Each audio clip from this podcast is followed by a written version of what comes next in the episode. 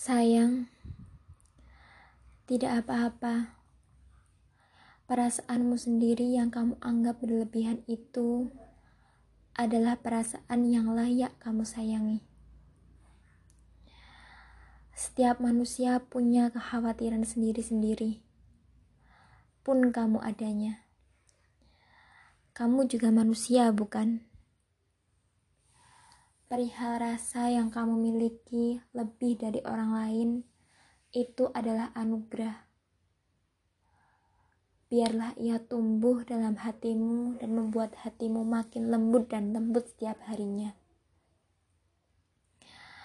Aku yang jadi saksi, bagaimana ketakutanmu sering kali menjadi kekuatan.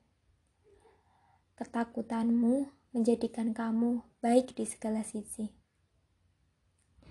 Percayalah, kamu sudah meramunya dengan indah. Jadi, tidak perlu khawatir. Mungkin kamu hanya perlu yakin belajar sedikit saja untuk lebih berani. Karena selain membuatmu kuat, ketakutan bisa saja menghalangi langkahmu.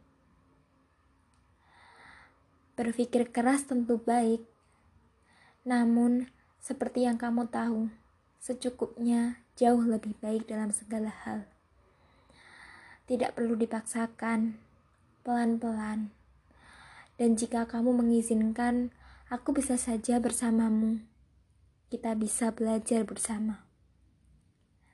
Kekhawatiran tentang dunia itu milik semua orang kamu tidak akan sendiri menghadapinya.